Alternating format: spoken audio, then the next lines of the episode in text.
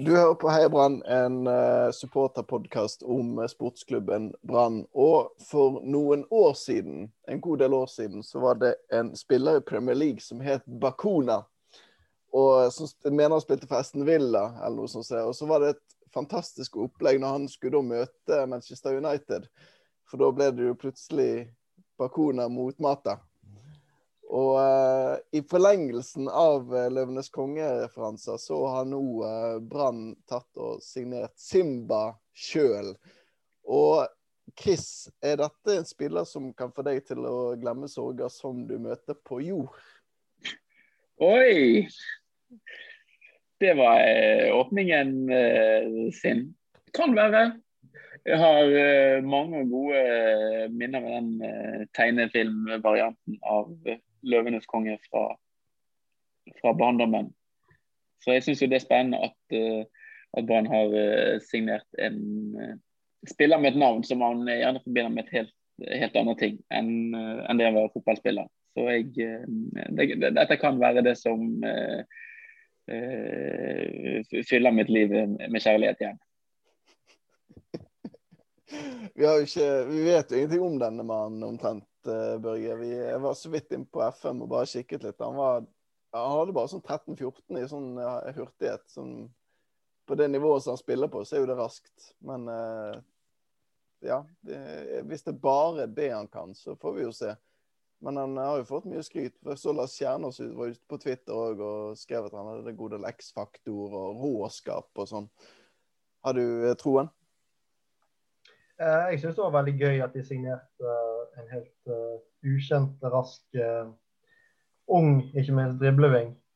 Men jeg har jo veldig lite peiling på dette. Men de virker som de er veldig entusiastiske i klubben. da. så om vi skal forutsette at de vet litt grann hva de driver med, nå, kanskje ikke alle er like enig i, så er det lov å være optimist med tanke på denne. Og det er jo spiller, Han koster ikke så veldig mye for Brann. Han er sikkert ikke sånn mange millioner i lønn. Så det er jo spiller som hentes med relativt lav risiko. Og så har vi han noen år. Så jeg tror det kan bli uh, Jeg syns det var gøy. Det er veldig tydelig hva kantspillere de er ute etter. De vil ha kjappe vinger som kan utfordre og skape trøbbel for motstandere. Det er absolutt uh, positivt, syns jeg. Og som er ung, ikke minst. Men det virker jo nesten som at de nesten ikke har sett han, da. Altså, det skulle jo egentlig bare mangle, sånn med tanke på disse tider her. Men uh, de, de, BT skriver om denne, det analyseverktøyet, Y-scout, eller hvordan man uttaler det. At han, han er rask, og så slår han fine gjennombruddspasninger. Men det er jo en god kombo, det. Hvis han kan gjøre det på eliteserienivå også, ikke bare på andre nivå i Sverige. Altså, ifølge denne transfermarkedet, som man jo uh, ofte kan stole på, så gikk han jo fra Sandviken til disse Vesterås og Brann henta han fra i fjor sommer, altså i august 2020. Så um, det er jo ikke Han har vel egentlig bare da en, en høst på nivå to i Sverige, hvor han har gjort uh, sine saker godt. Og så har han vel markert seg litt òg i noen cupkamper litt sånn tidligere mot mer uh, elitemotstand i Sverige. Uh, men altså, det er jo et utrolig ubeskrevet eh, blad, dette. Men Brann har vel også forklart at de følte at de måtte agere nå. Fordi at eh, Vesterås skal spille treningskamper mot litt uh, elitelag fra Allsvenskan fremover. Og at uh, de da var redd for at andre klubber skulle komme på, komme på ballen. Og uh, dette skulle bli, bli budkrig, og at han skulle komme utenfor Branns rekkevidde. Altså, hvis du tenker på spillerlogistikk og som, som, på en måte businessmodell, så er det i det markedet Brann bør ligge. De må finne og hente spillere før de blir såpass verdifulle og dyre at Brann ikke har råd til dem. Så kan de, eh, er jo oppsiden, som dere sier, i, i bankbransjen og finansbransjen ganske stor. Eh, hvis, hvis, han skulle slå til i år eller til neste år, kan Brann eh, sannsynligvis selge han for en god del mer enn den. Og det var én million eller halvannen eh, million de ga for ham. Så det det er helt tydelig at de har staket ut en ny kurs de siste årene. Og det syns jeg er, er morsomt.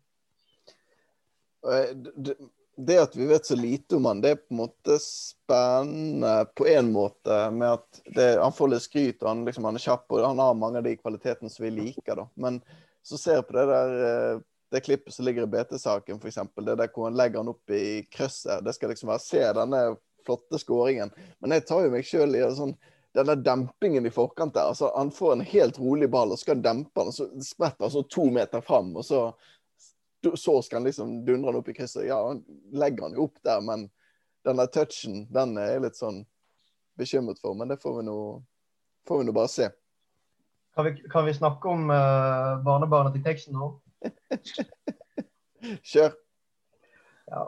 For uh, de av uh, lytterne våre som har bodd under en stein det siste døgnet, så uh, debuterte Niklas Jensen Vassberg, som da er barnebarnet til eh, Roald Kniksen Jensen for eh, Brann i går mot Molde. Han skåret et mål. Han, han gjorde seg slett ikke bort på midtbanen. Og jeg må si det at når han klarte å flakse den ballen med seg videre og sette den ballen i mål, så begynte jeg å grine.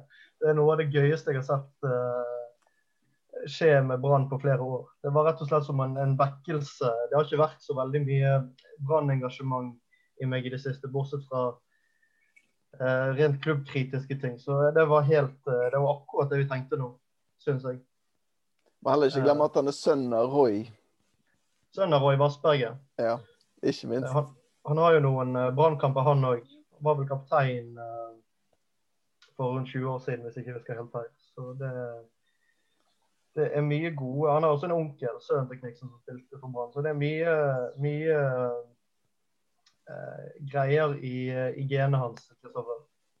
Det, det, er det absolutt. Det er jo en uh, spiller som det har vært snakket en god del om. Uh, altså det, går, det går jo gjeter om han i, i lokalfotball, men han er jo enda veldig, veldig ung.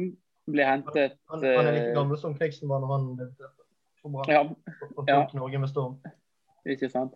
Ble signert i vinter sammen med han uh, Isak Hjorteseth, han heter. Han andre som også fikk noen minutter i går. Uh, planen er jo at de som skal tilbake igjen til Fyllingen, eller Fyllingsdal og, og spille i tredjedivisjon. Uh, det var altså Ikke bare var det målet hans, men altså i går så spilte han også fordi vi spiller inn på lørdag. Så Fredag spilte han treningskamp mot Bodø-Glimt, Norges desidert beste fotballag. Spiller mot noen av de beste sentrale midtbanespillerne i Eliteserien. Og så går han utpå der. Ikke bare skårer han det målet, men han tør jo å spille fotball også. Han tør å spille pasninger fremover i banen. Han har dragninger, han går forbi folk. Det var altså flere ting med den. Jeg synes, han var veldig, veldig god, rett og slett. Og eh, Hadde man bare sett han uten å på en måte ha noen forutsetninger for å vite noe om, Og så kunne man like gjerne trodd at det var en, en, en vanlig eliteseriespiller som var utpå der, som hadde 50-60 eh, kamper. Og så må du være litt øh, forsiktig, for dette er det første treningskampen til Bodø-Glimt for Årebrann nettopp også begynt. Vi skal ikke hauste dette opp mer enn nødvendig, men det var utrolig, det var utrolig kjekt å se. Og øh, vi trenger de der gode historiene. Det er en annen ting som slo meg litt nå med den treningskampen i går. Det var jo flere av de som vi fikk se. Sånn som han øh, David Wolfvåg som spiller venstreback som òg gjør det kjempegodt. Han er en 18 år gammel bergenser. Det begynner nå å komme noen Eh, gode historier og eh, med alt det styret over Valdres har vært i klubben nå i det siste, så tror jeg at det, det, er akkurat det som skjer nå, det er det vi trenger. Vi trenger unge lokale bergensere som er gode i fotball, som er offensive i holdningen sin. Som man ser kom, kommer opp og frem, og som man òg ser at de ser det, og alle andre ser at det er en, en vei en fremtid for de i Brann. Wolf kjempe... Ja. Så kjør, Børge. Ja, nei, jeg skulle bare si at jeg tror det var kjempesmart. å, å stille med de ungdommene fra start, eh, sånn som stemningen eh, i hvert fall i deler av eh, Bergen har vært i det siste, så var det Det gir på en måte et løft som vi har fått før sesongen mange ganger før, som ikke nødvendigvis har slått til. Men det, det, gir en gnist som jeg tror vi trengte veldig på dette tidspunktet her. Nå har det vært veldig mye rabalder den siste måneden, og fjorårssesongen var veldig trist. så veldig ja, det, ja, det, er lenge siden jeg har vært så, så giret på å se Brann. Wolfe var fin i første treningskampen òg. Så det virker som han nesten er førstevalget på venstrebekken der. Også Grøgaard kanskje mer en slags tiltenkt kanskje sånn indreløperrolle, som han jo har gjort eh, bra mange ganger. Så ja, nei, det er mye grunn til optimisme. Og så så jeg han to Christian Karsten òg hadde skrevet at han der Niklassen Niklasen ikke bare har eh, Kniksen-slekt, men han ser ut som vokalisten i Hjerteslag òg. Eh, så det, det, er mye positivt på en gang her. Det er jo Ja. Blir et kokende lag, eh, rett og slett. Eh, Chris. Men eh, dere, dere, så jo mer av denne kampen mot Bodø-Glimt enn jeg gjorde. Var det noe negativt å spore, egentlig? Kunne jo sluppet inn to-tre mål de første ti minuttene, da. Første kvarteret, kanskje. Men jeg syns de var veldig uh, rett og slett en godt gjennomført kamp mot et veldig godt lag som riktignok har hatt litt koronaproblemer i vinter. Uh, jeg vet ikke om du la merke til noe mer detaljert, Kristoffer? Eh, nei, altså, jo, De blir jo godt kjørt i begynnelsen av kampen. Brann. Altså, først og fremst synes jeg det var en veldig god treningskamp. Ofte så ser man at det er ganske sånn variabelt. Eh, og altså mange Man merker at det er midt på vinteren en del av disse treningskampene blir avviklet. Den kampen i går synes jeg tilsynelatende, i hvert fall ut fra det jeg så, at det var, kamp, det var med to lag som holdt ganske høyt nivå.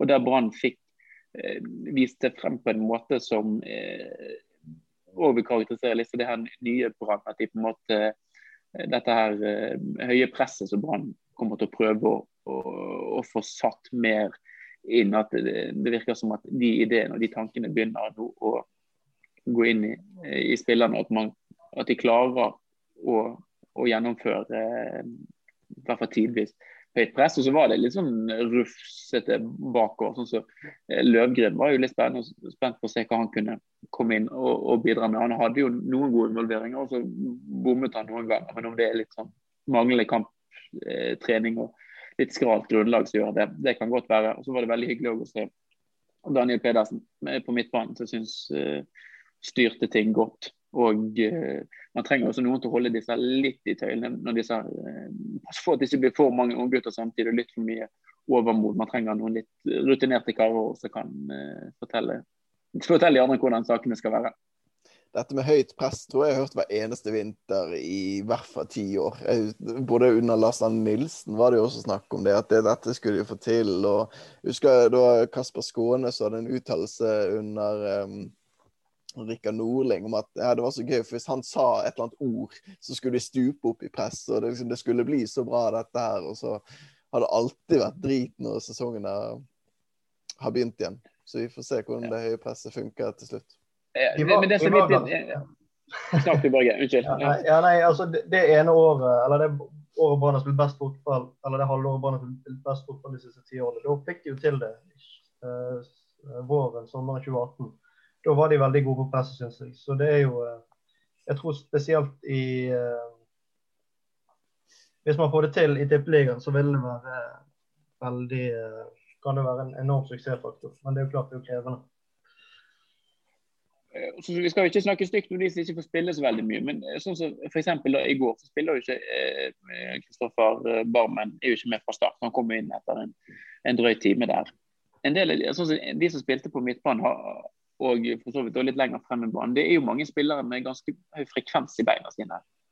Det er jo ikke noen sånn eh, seiginger på noen måte. Så det er jo litt sånn måten Brann stabler eh, laget sitt opp sant? med både løpsstyrke på, på sidene, vinger og backer, eh, indreløpere. Og midtbanespillere også evner å flytte beina kjapt. Um, så ser jo her at det er en tanke bak det. da, i hvert fall Bodø-Glimt var jo ekstremt Jeg vet at dette var første treningskampen deres, som du var innom, Børge. De har hatt litt koronaproblemer. Men det var jo eh, Bodø-Glimt var jo eksperter på det å bare altså, spille av press i, i fjor og utnytte det nådeløst. Um, det var ikke det så ofte de klarte i går. De klarte det noen ganger. Og det var egentlig det var mange positive ting for Branns sin del til og med, til og med Erik Holmen Johansen òg sto en omgang og gjorde det godt. Hadde flere, flere gode redninger. Var uh, roligere og tryggere med ball. Det er sikkert en av hans beste kamper i, i branndrakten også, det han, han, leverte når han sto fra start i går. Så det var, i sum var det mye kjekt sett med Brann inne. Jeg var jo på hytten under store deler, eller under hele kampen, egentlig. Men jeg fikk sett de siste 20 minuttene, og da var det egentlig bare én følelse som jeg liksom satt med, og det var at Løvgren Nå må ikke Løvgren drite seg ut. for jeg, jeg sitter med en følelse av at Kåre Ingebrigtsen sitter på sidelinjen der, og selv om Løvgren fikk spille hele kampen eh, eh spille hele kampen mot Bodø-Glimt, så sitter jeg med en følelse av at Kåre Ingebrigtsen venter på at han skal gjøre en feil. Han venter på at han liksom skal ha en unnskyldning for å sette han ut av laget. Eh, men ut av det jeg så, så virket det som at Løvgren og Forhen egentlig passer ganske godt. Det er jo ingen av de som har noe god fart, men begge to, sånn som jeg har sett det, har gode pasningsføtter. Eh, Løvgren var flere ganger foran eh, spiss og liksom angrepsspiller og brøt ballbanen og sånt. Så ja, nei, jeg syns det var fint. jeg. Men jeg har ikke sett første omgangen, som sagt. Men var Kolskogen var en høyre backhand. Og så kom Ruben Kristiansen inn på høyrebekken etter hvert. ja, og likevel klarte vi å slå Bodø-Glimt. Hva i helvete er det som har skjedd uh, i denne kampen her? Ja. Vi kan jo òg fortelle om Løvgren laget et straffespark i første omgang. Bodø-Glimt bommet jo rett og slett på altså De skjøt utenfor. Eh, og Der var det jo Løvgren som var synderne. Det var et utrolig klønete straffespark. Der han rett og slett bare sparket en fyr på leggen og var altfor sent inn i en situasjon. Så det var akkurat i den situasjonen som manglet han mye timing i Løvgren. Det virker som uh, Kolskogen kanskje er litt lavere i kurs hos uh, Kåre Ingebrigtsen enn det han hos uh, enn det han var hos Lars Arne Nilsen. Så det blir jo spennende å se um, hvordan det blir. Jeg er jo veldig Jeg tror ikke jeg alene om det at jeg er veldig interessert i å se han spille mye fremover. Jeg syns det er fryktelig synd hvis han havner på benken, selv om uansett så vil nok et tredjevalg få spille en del utover sesongen. Det har vi jo mye empiri på. Så jeg, jeg, håper uh, håper i hvert fall ikke han skal spille så mye høyere back. Men det er jo fort uh, Blomberg som spiller der når han er frisk, vil jeg tro. Mm. Det er jo um, um altså, Når man har den, altså de bekkene som, man, som vi har snakket om, og som vi tror kommer til å spille to uh, unge lokale, uh, ikke så veldig mye rutine. Det er jo på en måte også et spørsmål om altså, Helt sikkert òg noe Kåre Ingebrigtsen tenker på. Kan han gå med tre urutinerte bak? Om det, liksom, om det blir, uh, blir, litt sånn i, i overkant. altså Det er jo på en måte forsvars linjen. Eh, de ligger jo på en måte i ordets forstand. Det hva, det, hva for oppgave de har. altså Hvor godt de fire vil håndtere det når det koker litt rundt ørene på dem. Og man tenker det at det holder med, det holder med to. Ja, det er klart det vil være, vil være veldig modig å bruke tre Nå er vi kanskje ikke ja, for tre ungdommer, om ikke tre tenåringer, tre ungdommer baki, baki der. Det, er, det virkelig viser en intensjon. Men eh, det er jo klart, som du sier, at eh, det er, det er enklere å ja, det er enklere å gi ungdommer sjansen lenger frem i banen. Der er risikoen mye, mye mindre om det, om det, skjærer seg. Og når man allerede har to førstevalg på sidene der, så er det kanskje en avveining som må gjøres. Jeg syns Blomberg og Wolf eh, per nå virker som førstevalgene, og bør egentlig være det i sine posisjoner. De er slett bedre enn alternativene, sånn som det virker. Uh, henholdsvis f.eks. Altså Kristiansen og hvis Grøger skal spille midtbane, Kristiansen og Tveita, vil jeg heller ha Wolfe og uh, Wolfe og Blomberg der. Um, og så Kolskogen er jo egentlig det beste ta altså, talentet av de, så da må du jo nesten ta en avveining da, om du skal Altså det virker vanskelig å benke forren, selv om ja, utviklingsmessig så er det kanskje det man burde gjort. Men det er helt greit for meg å stille med tre unggutter bak der. Jeg ser ikke at det skal være noe sånn ja, voldsomt problem. Så lenge foran, altså Hvis foran er en av dem, så er det jo en kjemperutinert type som kan på en måte kjefte og styre litt og ja, som er vant til at det koker litt baki der, da. Så jeg ja, ser ikke noe problem med det. Men eh, flott intensjon, ja, hvis han gjør det. Foran er jo en veldig interessant spiller egentlig i 2021 fordi at han nå får et helt annet grunnlag enn det han fikk. Altså, han fikk jo aldri en skikkelig oppkjøring i fjor. Han ble jo kom til Brann seint i vinduet. Og så ble han jo mer eller mindre kastet rett ut i spill. Og måtte jo spille seg i form utover året òg. Nå får han jo et, en helt annen vinter og oppkjøring bak seg eh, før eh, alvor tar til. Det er jo lov å håpe òg at det kan gi et bidrag til at han får, eh, er tilgjengelig i et, eh, altså en høyere andel av kampene enn det han, han var i fjor. Eh, og Jeg regner det jo egentlig som veldig sannsynlig at han kommer til å, til å spille, så lenge han er, er frisk og rask i 2021. Og så er det litt mer up for grabs den plassen ved siden av. Og så er det jo litt at det er ikke helt utenkelig om Brann kanskje kommer til å prøve seg på Jeg tror kanskje de ser etter midtbanespiller, men òg at de prøver å fylle på med et eller annet på stopperplass, med mindre eh, Barmen viser seg verdig en, en plass som ja, i hvert fall som et backup. Da, da, spesielt i og med at de har lånt ut Vegard Skeie til Øygarden. Vegard så er det ganske tynt. Det er egentlig bare de eh, tre som vi har vært innom nå, pluss potensielt Barmen. Ja, jeg tror uh, Vegard Forhen forsnakket seg ja. med DT i går. Det, det, så jeg ikke, det har jeg bare lest. Uh, han, han, sa at det var to-tre spillere på vei Nei, var det han, det, han, sa det var Jeg har hørt det samme, jeg har bare sett det blitt skrevet på uh, chattet. Men sier at det er et par-tre spillere på vei inn. Pause, har jeg hørt. Så det, det, blir ikke mer forsnakkelse enn det. Men uh, ja. Par-tre stykker. Da er, er, vi jo i mål og vel så det, tenker jeg. Ja, det kommer jo an på hvor gode de som kommer inn. Men uh, ja, hvis, det kommer, så, hvis det kommer tre spillere til det vil jo være voldsomt. Da har man jo eh, kommer det nok i hvert fall en midtstopper. Så er de vel ute etter en indreløper. Nå fikk de kanten sin. Jeg vet ikke om de skal ha flere kantspillere. Så de brukte Vegard Tveiter på Vegard Tveiter, ikke Vegard. Jon Helge Tveiter på, på, kanten i går. Så det virker som han uh, vurderer som et alternativ der like mye som på bekken. Så jeg er litt spent på hvor uh, den eventuelle tredjemannen kommer inn i bildet. Jeg håper ikke de henter noen midtstopper nå. Nå har vi jo tre kjempesolide, og så har vi Barmen som en sånn kriseløsning. Og så Asa Karadas kan sikkert steppe inn. Eh, det er jo bare å signere en eller annen korttidskontrakt eller et eller annet. Få han inn. Hive han inn i midtforsvaret. Men eh, altså, vi har jo nok gode løsninger der, tenker jeg. Så ja. Jeg syns man begynner å nærme seg et uh, lag til Eliteserien. Du er ikke enig i at Brann ser ut som et nederlag? Nei, nå, nå, så jeg bare de siste 20 minuttene i uh, går, men uh, koken optimismen uh, tyder jo på at noe, noe, er på gang. og det, det, virker som en altså, Jeg tror nesten det blir en sånn enten-eller-sesong. altså Enten så får Kåre Ingebrigtsen til alt som han hadde lyst til å få til i høst, og klarer å på en måte snu skipet 180 grader og kjøre dønn motsatt kurs, eller så fortsetter de i den samme formen som de hadde i høst. Og da blir det fort nedrykksstrid, liksom. Så ja, enten så lukter vi på Europa, eller så blir det nedrykksstrid. Det blir i hvert fall ikke kjedelig, er min eh, spådom. Nei, det blir aldri kjedelig, dessverre.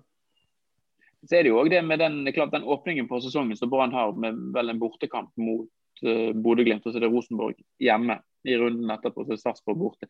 Det er jo, uh, det er jo altså, Man ser jo for seg på en måte koko overskriftene som blir her hvis Brann kommer fra det der med æren noenlunde i behold. Altså type fire til seks poeng på de to første kampene. Der. Da er man jo Da er jo troen der, og så plutselig så ryker de 0-5 i første kampen. og så er Hjemmetap mot Rosenborg, og så er det ditto krise. Så det er jo um, i en sann bergensk stil sånn man bare må forvente at det blir jeg tror jeg hadde glemt eh, den serieåpningen. Jeg skulle til å si at jeg tror at de er avhengig av en, eh, en god start for å, eh, på en måte, for å få flyten her. For det, det, jeg er litt enig med Anders i det at det virker som om enten så flyter det, eller så flyter det ikke. Og hvis ikke det flyter fra begynnelsen av, da blir det forlis.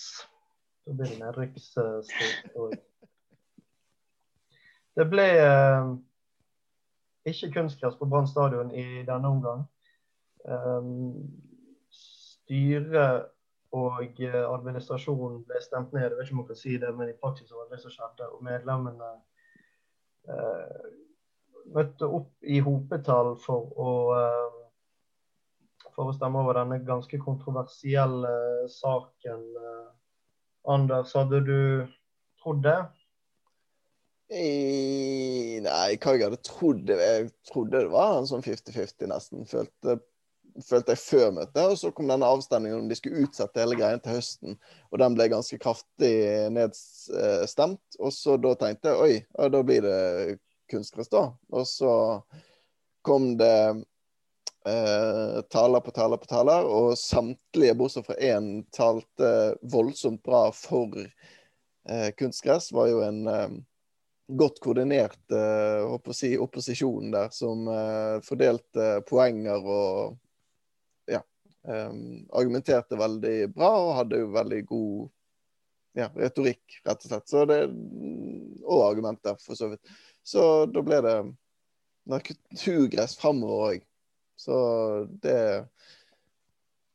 er jo sånn som det skal være i medlemsstyrklubb. Jeg eh, sa jo for, på forhånd at jeg kommer til å bli middels fornøyd uansett, og så nå er det naturgress, og da er det ja, fint.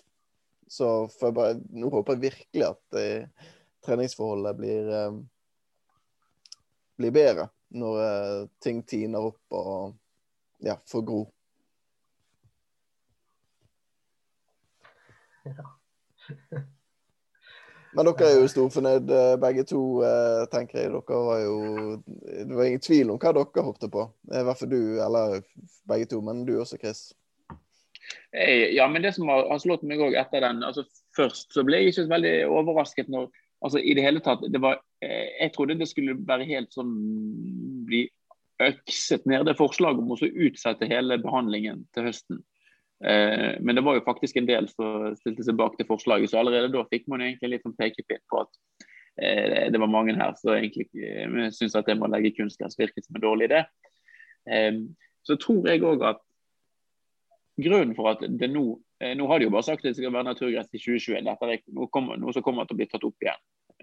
Og det kommer til å være et massivt oppmerksomhet som rettes mot hvordan treningsforholdene faktisk blir i år. Hvis ikke de blir bedre, så tror jeg eh, alle på en måte er enige om at det eh, må gjøres noe at det blir kunstgress eh, til neste år på Brann stadion. Men altså, jeg tror òg at grunnen for at dette her røk for administrasjonen og styret, det var behandlingen av saken og denne prosessen som mange har vært innom. At det i for liten grad virket å være gjennomarbeidet med tanke på argumenter for og mot kunstgress. At det var en ekstremt sånn ensidig fremstilling av at kunstgress var den eneste løsningen og veien ut av dette. her.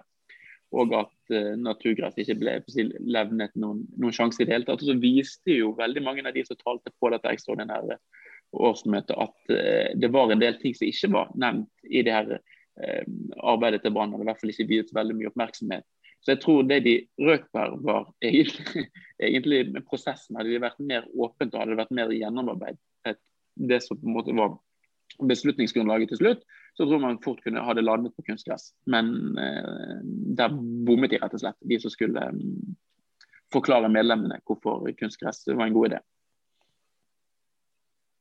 Eh, ja, jeg er rimelig sikker på at det er tror ikke det hadde kommet det hadde nok blitt eh, spetakkel uansett, men jeg tror ikke det ekstraordinære årsmøtet hadde fått så enorm oppslutning hvis det var på en måte en ryddig prosess her. Eh, det var nok mange eh, som eh, ville protestere mot den og den oppfattede arrogansen fra klubbens side, istedenfor at de brenner veldig for eller imot kunstgress.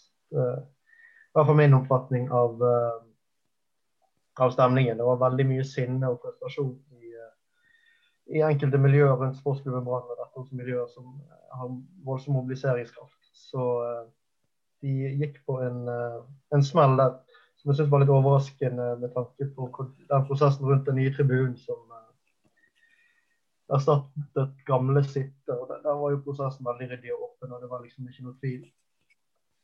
Så der har de nok forhåpentligvis lært seg en lekse i, eh, i administrasjonen. Det må være lov å håpe. Og så håper jeg også at uh, Bergens befolkning tar med seg én ting, og det er at uh, hvis uh, forholdet, hvis treningsforholdet rundt stadion fremdeles er dårlig Brann nettopp har tapt en eliteseriekamp 3-2 eller og Kåre Ingebrigtsen i et intervju nevner bl.a. at treningsforholdet er fortsatt dårlig, så må det være lov for han å si det uten at han skal bli sakset ned og drive med sutring og bortforklaring og sånt. At hvis treningsforholdet er dårlige, så må han få lov til å si ifra om det uh, i et intervju. Og så kommer jo det garantert til å bli saken, fordi at det, mediene vet at det er noe som folk engasjerer seg i, og som, uh, som kommer til å være et brennende tema hvis de faktisk er dårlige framover. Det får vi bare si, se hvordan det utvikler seg. Men jeg syns Erlend Hanstveit hadde noen litt interessante eh, tanker som han delte ut. Han uh, spilte jo i Belgia. Og Det, altså det man uh, ofte tenker om når man snakker om det med naturgress, det, det er veldig få steder i verden man har sånne her, omtrent sånne golfbaner man trener på. Altså Der det er helt paddeflatt og jevnt overalt. Han sa det, han spilte med med, med, Kevin De Bruyne og flere andre som har blitt kjempegode. Det var jo ikke sånn at eh, de eh, de har ikke trent på ekstremt gode kunstgress eller altså naturgressbaner hele livet. De har spilt i, på møkkete baner, de. Men bare har hatt en uh, ekstrem vilje og gjerrighet og et ønske om å bli bedre, uavhengig av de rådende forhold. Så har de klart det. Så det er jo òg noe med å bruke det underlaget eh, som man har, de fasilitetene eh, man har. Eh, men det, det, er fullt mulig. Og så bli, bli, god selv om en, gressmatte er litt humpete. Absolutt. Absolutt. Og litt tilbake til det du sa, Anders. Eh, at ja, altså det, det, det er jo en helt uh, legitim sak å være bekymret over treningsforholdene. Men uh, de må jo også vite Jeg håper eh, at Kåre Ingebrigtsen har noen rådgivere som sier at bør kanskje være litt forsiktig med å si akkurat det nå de nærmeste månedene. For dette er en ganske betent sak. og han eh, Det skal ikke så veldig mye til, spesielt ikke med den det synet en del mennesker i den byen har på at han oppfattes som sutrete. Og Jeg er for så vidt enig med deg at det er helt greit å ta det opp som sak, men kanskje man skal være litt taktiske kommunikasjonene. Fordi eh, de har ikke råd til å få uh, opinionen imot seg igjen. Og uh, en, en, trener kan fort få mange imot seg hvis han, hvis han oppfattes som sutrete og grinete, og spesielt pga. noe sånt.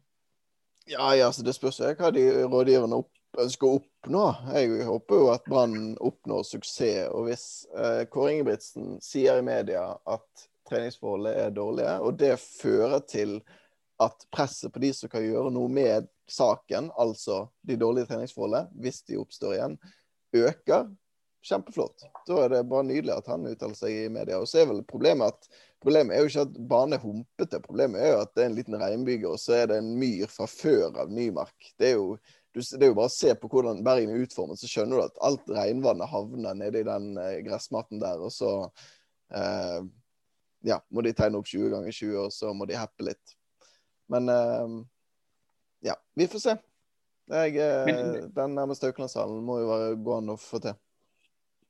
Men nå blir det jo også automatisk også selvfølgelig et kjempefokus på dette. for klart, altså, Alle medlemmene både de stemte for og mot kunstgress, de vil jo bare at Brann skal bli et best mulig fotballag. så Det vil jo være noe som får utrolig stor oppmerksomhet i hele Bergen, og sikkert noen eh, begge eh, avisene kommer til å følge ekstremt tett og altså bruke nå, spesielt av den Brann nærmest Haukelandshallen, som man har et, kanskje et størst håp om at skal bli god.